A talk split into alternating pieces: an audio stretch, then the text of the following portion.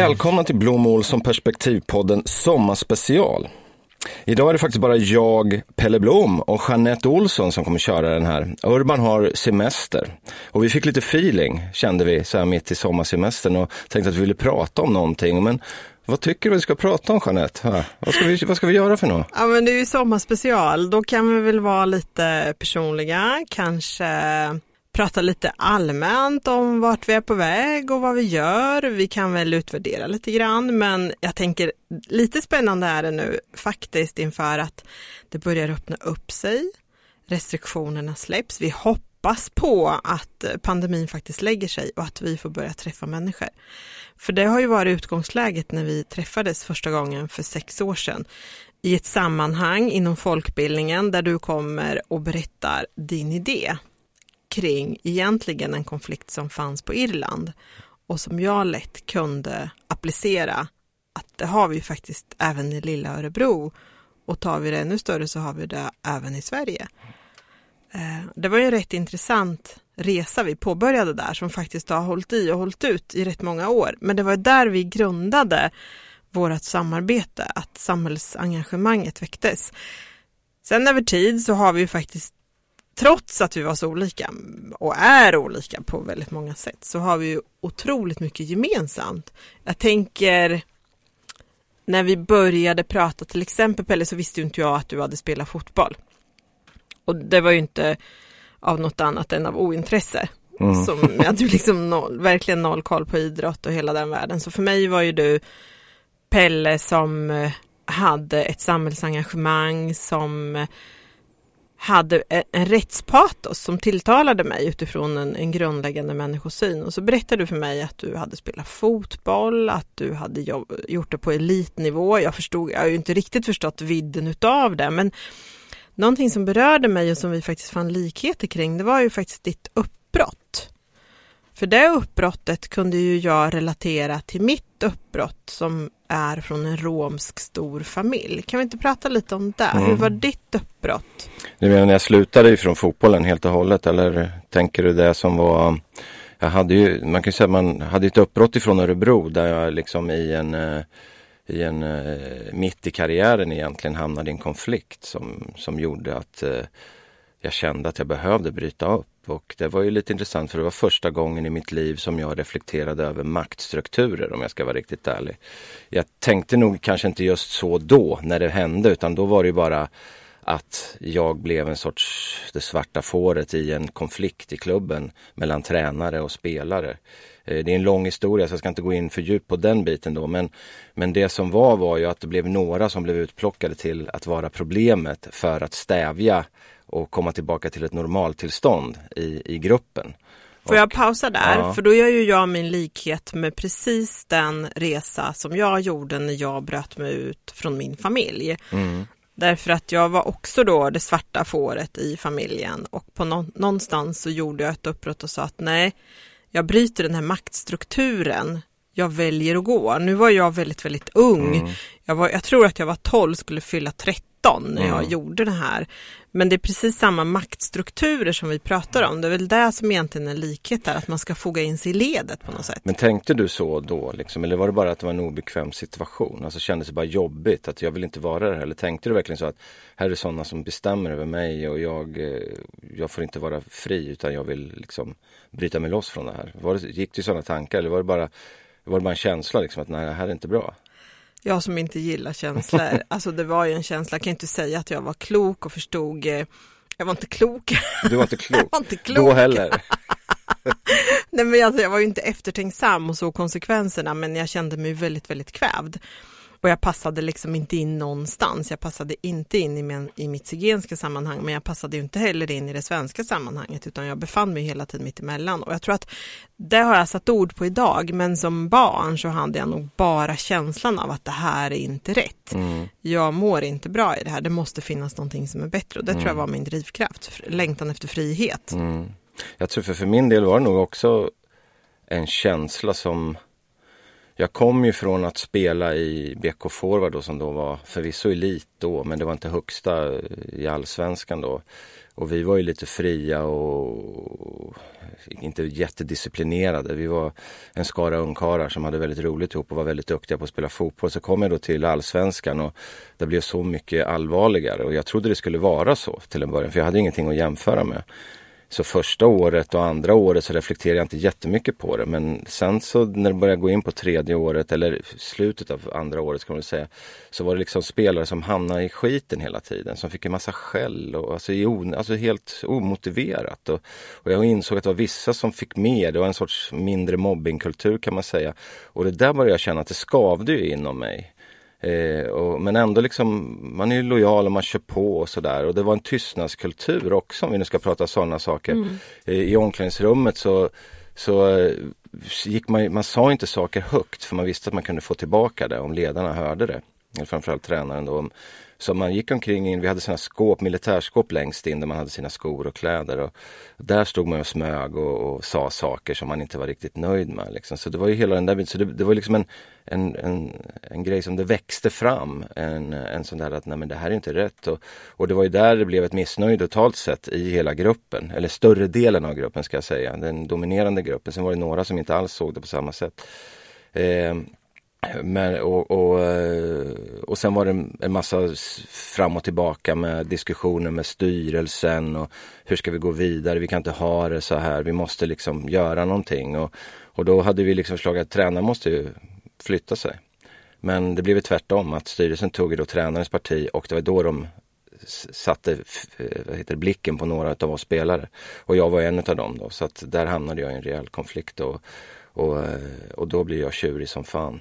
Nej, då, redan då. Ja, envis och tjurig. Fast jag tänker på, eller, jag, jag drar ju paralleller med det som jag var med om, för att där fanns det också en tystnadskultur och jag hade ju ögon på mig eh, från min stora familj vad jag än gjorde och jag trodde också att det här är ju så världen ser ut, det är så här det ska vara.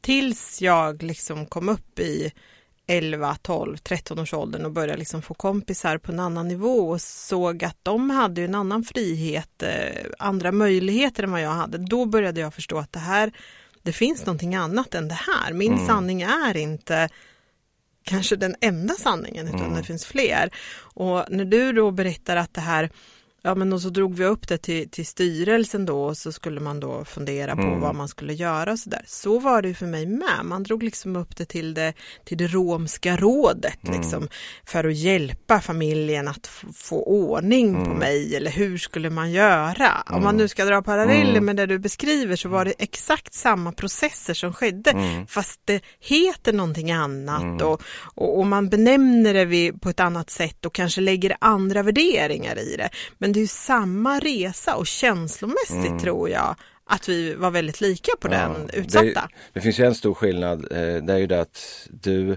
satt ju fast i någonting som du faktiskt inte fick gå ifrån egentligen. Mm. Jag har ju möjligheten att gå därifrån. Jag hade, mm. kunnat, jag hade ju möjligheten att bara sluta liksom. Så det var inte så att jag satt fast i det om jag inte ville.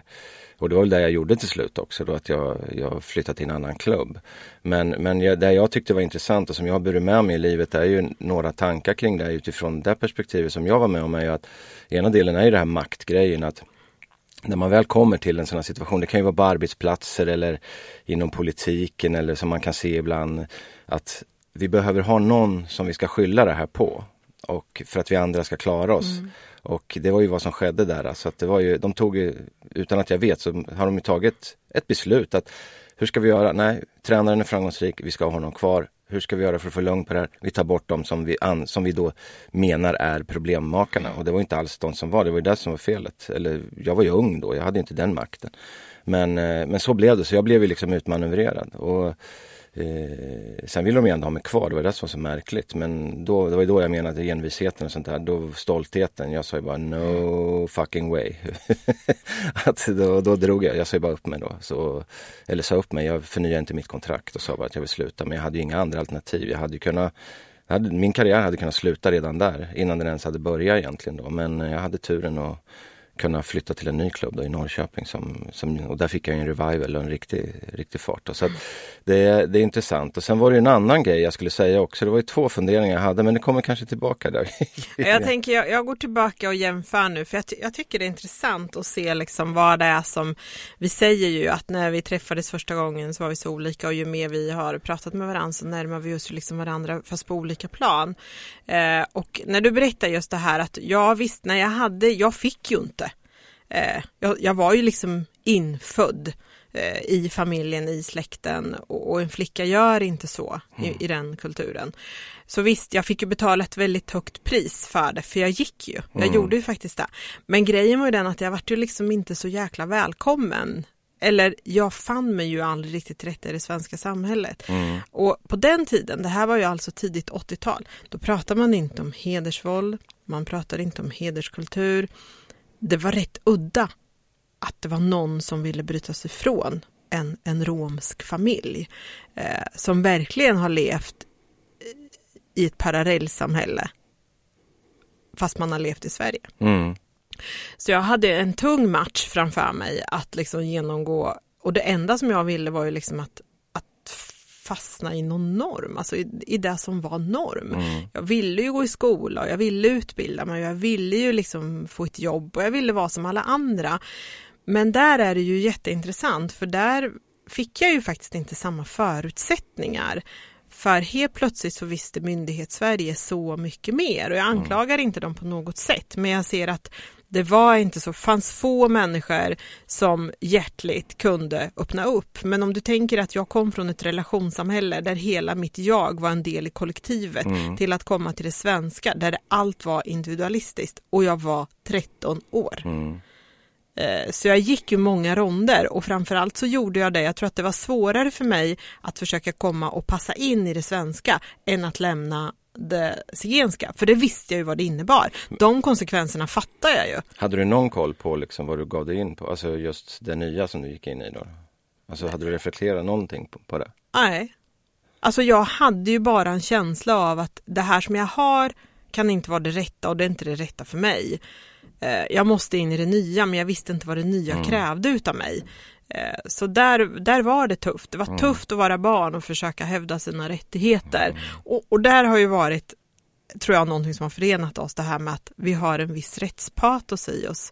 Och jag har fortfarande svårt att se orättvisor och felbehandlingar och kränkningar mm. oavsett i vilket sammanhang det är mm. så berör det mig på något sätt. Ja men det, det har du helt rätt i. Det är ju den, det har jag fått med mig och jag tror att det var starten på det faktiskt. Eller det, som jag säger, att det var första gången jag upptäckte de här delarna på det sättet. Jag hade väl sett dåligt ledarskap tidigare men, men liksom just den här typen av, av som kränkningar på, på det sättet. Alltså det går inte, på något sätt går det inte att jämföra dem, det, det du var med och det jag var med. Jag vet att du brukar bli sur på mig ibland när jag säger de här grejerna men det är ju samma grunder men det, det liksom går inte att jämföra på det sättet då, för jag har ju liksom hela tiden haft en möjlighet att välja och, och gå iväg på någonstans. Men just det här som du säger med med kränkningar. Det är ju, jag gjorde ju som kille då på den tiden så fick alla göra lumpen, alltså och vara inne i armén då, liksom värnplikten. Och det, det var ju egentligen innan ÖSK-tiden men armén var ju armén, det visste man ju, där är det ju auktorit, auktoritärt. Och, men där var det också sådana här grejer, vi hade en major som trakasserade vissa. Medan andra bara som var lite mer framgångsrika fotbollsspelare. Vi hade en väldigt framgångsrik fotbollsspelare som heter Jonas Tern som jag spelade ihop med. Och han var, hade kommit upp i Malmö FF, han fick göra i princip vad han ville. Och sen så hade vi några friidrottare, en kille som hade långt hår. Och det fick man inte ha, liksom, eller skulle man inte ha. Jag hade ju också det men jag gick lite under radarn där. Men han, han fick ju så mycket skit hela tiden. Och jag vet att han sista dagen eh, när vi muckade så han, hade blivit, han blev tvångsklippt. Så sista dagen gick han ju upp. Han, han, man såg, han gick hela dagen och var ilsken. Hela han bara, det bara rök om honom. Så gick han ju upp till majorn sista dagen och bara skällde ut honom i mer eller mindre en halvtimme liksom och talade om vad det var för jäkla idiot. så, så att där, där såg man ju det, de första fröna. Men där var det på något sätt som sagt att man förväntade sig nästan att det skulle vara lite så. Och sen kom den här fotbollen. Sen har det varit andra ledare på, på vägen som har också använt de här maktspråken med hur man liksom använder hur man ser ut och vad man gör. Alltså man ska fållas in i någon sorts i någon sorts mall där alla ska vara likadana. Och där har det ju förändrats en hel del inom fotbollen.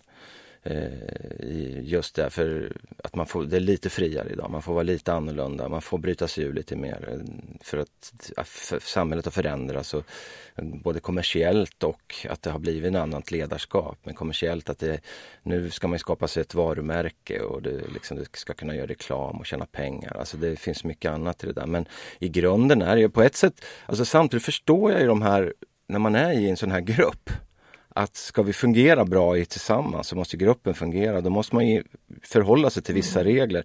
Det här var ju min jättestor, det var inget problem men det var något jag brottades med under hela min fotbollskarriär. Att, att å ena sidan så är jag ju en, en lo, otroligt lojal Eh, arbetare, alltså rent generellt, men fotbollsspelare då, som gör mitt jobb i alla, i alla lägen. Men samtidigt hade jag någon frihetstanke. Eh, så, så om tränaren gick in och, och, i minsta detalj skulle då, tala om för mig vad jag skulle göra, då blev jag obstinat och då, fick jag, då presterade inte jag bra. Jag var tvungen att få en frihet.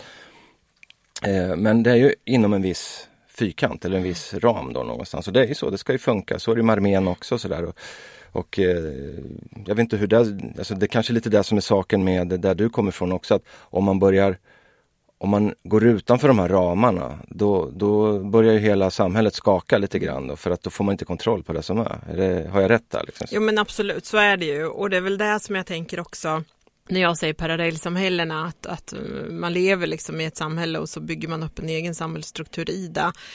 Och där finns det ju precis allting för att hålla ihop gruppen. Och eh, jag menar mina rötter har ju en som brokig och fruktansvärd egentligen historia. Så vissa förklaringar finns ju och det kommer ju vi prata mer om. Dels på våra föreläsningar som vi har men också att vi ska vi planerar ju att dra igång ett sådant arbete, att fokusera mm. just på parallellsamhällena då utifrån perspektiven mm. att eh, faktiskt kunna se likheter och olikheter och skapa en förståelse. För idag finns det ju, det finns parallellsamhällen i vårat Sverige idag och det funkar inte. Det, det är inte bra. Och vi måste mötas någonstans för det är ju inte en sån framtid vi vill efterlämna till våra barn och det gäller liksom in, för alla människor som bor här. Mm. Så att där kommer vi att närma oss absolut på vissa sätt. Men jag tänker på, jag tänker på när du beskriver det här att man har vissa ideal. Jag hade idealet, jag passade ju aldrig in där för jag är uppväxt och det här behöver inte betyda att det är någons annans sanning än min egen. Eh, för jag hade ögonen och idealet på mig att jag skulle vara lång och smal och ha långt hår och små fötter. Jag hade ingenting Nej, det är hundra procent fel. Vad fin fem fel! det var liksom ingenting som var rätt. Jag tänkte på han som hade långt hår och fick klippa av sig där. Ja, det, liksom, det växte väl ut men en annan kunde liksom aldrig åtgärda. Ja, idag mm. skulle jag kunna men göra det handlar inte om håret. Har du inte. Nej, jag det handlar om att man är tvingad. Det är ja, det som är grejen. Jag fattar. Jag var ja. skojade. Du kunde väl ha skrattat? Nej, Nej det här är Blom Olsson allvarlighetspodd. Men nu väljer, jag tänker på nu när vi sitter och pratar så här om allt möjligt kring oss själva och så där. Om vi skulle hamna i TV4-soffan, tror du vi skulle hamna där? Och vad skulle vi då behöva prata om? Oj. Vi har ju några grenar på det, men det, alltså, det, vi, vi, har ju pratat mycket om det här med demokrati i den här podden och det är klart att det ligger till grund för alltihopa men det du pratar om är ju i allra högsta grad aktuellt just nu, har varit nu. Det har ju blivit precis liksom puttrat upp. Det blir, blir, några händelser som gör, det kommer någon bok, det är någon debattör som börjar köra igång och så händer det eh, liksom allvarliga saker som mord och grejer och plötsligt så är det en grej som är mitt i fokus och det är ju det här med parallellsamhällen och det man numera kallar för klansamhällen. Jag vet du är inte riktigt bekväm med det, det är mer släktbaserade tankar kring mm. att det är stora släkter som som, som har vissa regler och, och så. Eh, och det är klart att det är ju en, en, sak att prata om och i och med att du, du kommer ifrån den bakgrunden så du har ju väldigt koll på det så det är klart att det vore definitivt en sak att prata om men men eh, jag, jag tycker också det är intressant att prata om identiteter. Alltså, man blir lite ego för man går själv, jag har själv gått igenom en otrolig, eller in nu kanske i en identitetsförändring liksom som är väldigt jobbig att ta sig ur och då är jag ändå väldigt privilegierad, extremt privilegierad i jämförelse med väldigt många andra. Men om man då tänker sig då när vi hade Darko som pratade, han kom till Sverige, eh, våran lärare Jo som var, vi hade som gäst här. Eh, när han berättar lite hur man ska ta sig in. Just de här, vem är man, hur, hur tar man, alltså att brottas med de här tankarna. Och det har ju du gjort också förstår jag ju liksom. Att, att hitta rätt i de här. Och det är ju i tuffare om man kommer ifrån liksom eh, ett land och en kultur som är helt annorlunda. Det, det finns inte en tillstymmelse till lika. Eh, än vad liksom min lyxidentitetskris, om vi nu får kalla det för det, liksom, där man går igenom att man har haft ett liv och sen så man, får man plötsligt andra eh, tankar och, och funderingar och inriktningar och intressen liksom som, som då gör att man omedvetet bryter ifrån den andra delen till vissa delar. Där, liksom. Så att det, det är en, en, också en, eh, tycker jag är väldigt intressant för jag tror att det går in i de här sakerna vi pratar om med demokrati och alltihop. Att, eh, jag vet att vi har någon gång pratat, jag vet inte om vi har gjort det i podden eller om vi bara pratar privat, men att man just det här med släktdelarna, vissa delar har gått så långt så att det är ju kriminalitet, så det handlar ju om en sorts maffia där man måste hålla ihop saker. De kommer ju inte ta åt sig vare sig de får utbildning och grejer. Men om man tänker sig lång sikt att om det kommer nya till Sverige och, och, och, andra stora grupper som fortfarande inte har kommit in i samhället. att Det vi inte gör, vi utbildar dem inte till hur vårt samhälle ser ut. Om man kommer från en helt annan bakgrund, en helt annan kultur och kanske då med släktbaserat. Då, eh, och så kommer man till Sverige där det är helt annorlunda. Jag menar det är klart att det blir, hur ska man göra, hur vet man hur man ska göra? Det, klart, det första man gör, man vänder sig där som är det tryggaste, det närmaste. Och då hamnar man ju samma som man hade när man kommer ifrån, antagligen, i och med att det är många andra. Eller vad säger du om det? Jag, tänk, jag tänker två perspektiv. Det ena är att, ja, och, och, jag tänker också att majoritetsbefolkningen i Sverige behöver också lära sig om andra kulturer. Så att jag tror ju på den här brobyggardelen. Eh, men om, om jag uppfattar det rätt så, om vi blir inbjudna till TV4-soffan så ska vi prata om ett makroperspektiv utifrån demokrati på samhällsnivå och sen tratta ner det till den lilla identiteten för det hänger ju ihop. Ja, jag komma... är en del i ett större sammanhang. Ja, för vi får bara 2.30 i TV4. Nej, det skulle, vi, det skulle ju aldrig gå med dig. Va? Värsta snackpåsen Pelle, hur skulle det gå? Då skulle ja. du sitta och prata. Ja, men det är det som är det värsta. Vi får man... tejpa för deras munnar. Ja, men om vi säger att du får prata och jag nickar. Tänk om jag får tunghäfta. Jag håller bara med. Du är ju mer kändis ja. där. Och nej, men det är därför, nej men det är därför jag vet att det är ju Då kanske vi får ett eget program. Mm, nej, men jag tror det, vi kanske får med, nej, jag vet inte, men ska man vara med Malou kanske? Där får man i alla fall breda ut sig. Hade inte du varit med där? Nej, jag tackar ju nej. Ja, du tackar nej. Jag tackar nej, jag känner mig väldigt obekväm med henne. Ja, ja, ja. Du är lite för fin för det eller? Nej, jag tror inte alls att jag är för fin. jag tror bara att det, det kändes inte rätt. Nej. Jag följde min intuition, det kändes mm. inte rätt. Mm. Nej, men för du hade ju när du släppte din bok så var det ju då satt jag ju i TV4-soffan. Ja, och... Precis, att, eh, men nu ska vi ju prata utifrån att vi jobbar med det vi gör och de bakgrunder vi har. Och du har ju rätt i när du säger att de som pratar mycket om parallellsamhällen idag, de som skriver böcker om parallellsamhällen idag, det är ju faktiskt kanske inte personer med min erfarenhet. Nej. Så där sitter jag på en guldgruva som egentligen jag pratar med väldigt få om. Just nu, det här sista året under pandemin, så har jag ju bara pratat med dig i stort sett. Mm. Har du skrivit ner dig i någon Stackare. ny bok eller? jag har det här inne och nu, pek, och nu pekar jag på hjärnan. Jag tror att det finns en sån där inne i alla fall. Och han har sämsta minnet så du kommer inte ihåg någonting. Jag kommer ihåg allt. Det gör du väl jo, inte? Börja bara skriva så är det lugnt. Då blir det en bok. Ja. Är det där vi säger nu? Pelle och jag, vi ska skriva mm. en bok om parallellsamhällena. Ja, kanske, ah. ja, jo, men, men kanske, jo, men varför inte, men med en twist. Vi måste hitta en um, utgångsposition. Ja, det tror jag. Det måste man göra för att det ska bli rätt. Eh, begripligt och, och, bra. Men det gör vi naturligtvis. Absolut, att, det finns ju inga tvivel kring det. Nej. Men om vi tittar på hur, vi, liksom, hur vårt samarbete har utvecklats så har det varit över att du är egentligen, egentligen innerst inne så är du en vit man i dina bästa år. Och det är inte jag. Nej, det kan jag bekräfta. och vi har helt olika bakgrund. Vissa gemensamma nämnare som vi har sagt tidigare med eh, miljonprogramsområdet och hela det. Men vi har helt olika livserfarenheter. Men ju mer vi pratar och ju mer vi hittar rätt i de här samhällsfrågorna så brinner vi ju verkligen för att göra skillnad för framtiden. Och då tror vi att demokratin är det som egentligen är en utav grunderna i det. Jaha du Pelle.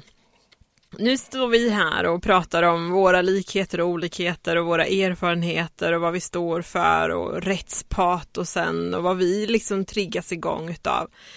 Vad tror du att våra vänner och bekanta och medborgare tänker kring de här frågorna om demokrati, om sin del i det, om sin identitetskris, om sina brott. Det finns ju massor med unika historier. Vet du, jag längtar verkligen efter att få ta del av det. Hur ska vi närma oss det? Nej, men vi, alltså vi har ju haft som mål med det här att vi ska ut och prata med folk men sen har det varit en pandemi så att eh, Nej. Så för det första så är det väl bra nu när det öppnar upp sig att man kan börja planera inför hösten och faktiskt träffa folk och hur vi ska göra det. Vi får ju se hur, hur vi riktigt eh, hur vi organiserar upp de där bitarna men vi har ju sagt att vi kommer att försöka träffas på någonstans ute på stan eh, var det skulle kunna vara där man spontant kan komma och sen hoppas vi så sagt att vi ska kunna få möta i andra sammanhang liksom att få föra ut det här och sen har vi den här podden och, och prata med de delarna sen. Och definitivt så är ju det en del av att lyssna på, alltså hela det vi håller på med, vi har ju vi har ju studerat, vi har lärt oss och, och, vi tycker att vi kan olika saker. Men vi har ju, när vi väl träffar folk så inser vi att det är mycket som vi inte kan också. Och eh, vi behöver ju lära oss mer. Och eh, som du säger, det är massa olika perspektiv från andra människor. Varje människa har ju, det är en klyscha, men varje människa har ju en egen berättelse inom sig. Eh, inom massor av de här olika frågorna som är. Däremot när det kommer till demokratifrågan är där jag kanske, där jag funderar på, mest, funderar verkligen folk på demokrati? Det är kanske är där vi måste vara ute och fråga om och jag tänker också så här, demokrati, när vi började jobba med det så var det så, ja men det är så självklart och sen när jag började tänka på det, ja men vad är självklart? Jo det är lika självklart som luften som jag andas, ja men vad är det? Och så börjar jag bryta ner det och, och jag tänker så här att jag vill träffa folk bara för att jag vill lära mig mer. För det finns inga rätt eller fel. Demokratin tänker vi olika kring. Vi har olika erfarenheter. Vi påverkas av det på olika sätt. Och framförallt så, så tror jag att det är jätteviktigt att öka kunskapen i de här mötena. Så vet du vad jag tänker att vi ska göra? Vi ska be våra lyssnare att komma med tips och idéer på hur vi ska organisera oss. För det vi vill göra är ju faktiskt att träffa den lilla människan. Demokrati vill ju inte vi ska finnas hos politiken som, som någon slags, liksom, det här är vårat samtalsämne eller på universitetsnivå, utan det ska röra sig i bostadsområden, i villaområden, i, på campingplatser. Mm. Alltså, kom med idéer på vart vi kan träffa er och vi blir ju gärna hembjudna till någon trädgård eller till ett fik eller så. Och jag gillar ju att baka så jag får väl, eh, jag får väl säga att jag tar med mig något gott till, till fikat då. Mm, jag brukar äta det så att det är gott, jag kan garantera det. Och du lever Ja, än. fortfarande. Nej men utbildning är ju, det, det, kan ju låta lite så när man står så här och säger att ja, vi behöver utbilda oss mer på det här. Att det är lite von oben även från oss när man säger det. Men det är ju när en annan gick in i det här, det är klart att jag, jag i och med att jag är intresserad av det här ämnet så har jag funderat en hel del på med demokrati. Men när man väl har gett sig in i det så inser man att det är så brett och det är inte så mm. enkelt. Men, men det är just de här samtalen vi vill ha som, där man vill in och så att folk ska förstå både rättigheter och eh, skyldigheter, alltså vad, vad, det handlar om att leva i ett samhälle. Det är det som är demokrati. Liksom. Det, jag tror att många inte tänker på det, jag tror inte många reflekterar över det. Utan för det är bara en, en vana för dem. Mm. Att, eh, alltså, man lever i ett samhälle och mm. det är så samhället ser ut och sen förändras det lite grann ibland. Nu pratas det otroligt mycket demokrati märker jag ju när eh, politikerna håller på att dribbla fram och tillbaka med det här. Och många tycker att det är odemokratiska processer som håller på att inledas. När det egentligen är demokrati som sker i i riksdagen för närvarande. Det, är ju, det har ju verkligen börjat rört på sig när man liksom söker majoriteter till mm. höger och vänster. Sen att folk tycker att, att politiker sviker och, att de inte står upp för det de har gått ut med och sådana saker. Det är en helt annan fråga. Men just det här att man lierar sig med olika för att skapa en majoritet och kunna genomföra sina idéer. Det är ju det, är ju det som är demokrati. Så det är inga... Fast jag tänker också så här Pelle, det är så jäkla högtravande och folk orkar inte lyssna. Folk orkar inte engagera sig. Vi är mitt inne i en pandemi och på väg ur, ur. Det finns ingen som orkar bry sig om varför Löfven och, och han den andra Jo men det är rätt många som bryr sig ja, om det, men inte ur demokratisk Men inte ur demokratiskt utan det är mer utifrån åsikter ja. och hela den delen. Och jag vill egentligen, jag vill säga så här att jag vill att demokratin ska pratas i vardagsspråk. Vad betyder det för mig när jag går till jobbet att jag kan läsa tidningen i appen? Har jag rätt till all information? Är den fri så att jag liksom ändå kan Eh, använda mig av grundlagen. För vad betyder grundlagen att jag läser tidningen? Dit vill jag komma. Mm. Så att vi pratar om det här vardagsdemokratin. Mm. Och jag vill få igång den här när vi har pratat om folkrörelsen. Och jag tror en del av det är att prata med folket på, så man ska ju prata med folk på folks vis, mm. inte något högtravande universitets...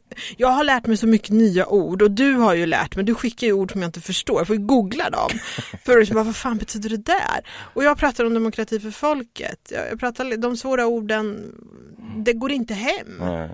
Och det tror jag är en sån viktig grej som i mötet, i det mänskliga mötet, när man sitter och bara, hur tänker du, så här tänker jag, det finns inga rätt och fel. Det är det samtalet som ökar kunskapen mm. om demokratin mm. och också gör att vi kan medvetet till nästa val faktiskt rösta klokt. Mm. Och det är vad vi vill uppnå.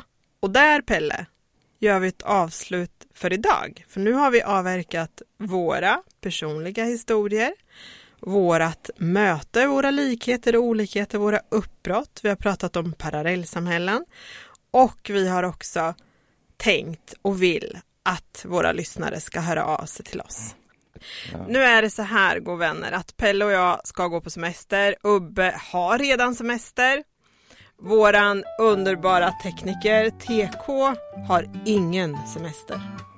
Kanske lite. Och då ska han komma hem till mig och fika i stugan. Vi tackar för oss. Ni har lyssnat på Blom Olsson, Perspektivpodden, som har gjorts i samarbete med Panoramaföreningen. Ni når oss via vår e-postadress som finns på Facebook och ni lyssnar på Små sånger för stora hjärtan av Tobias Svärd. Trevlig sommar!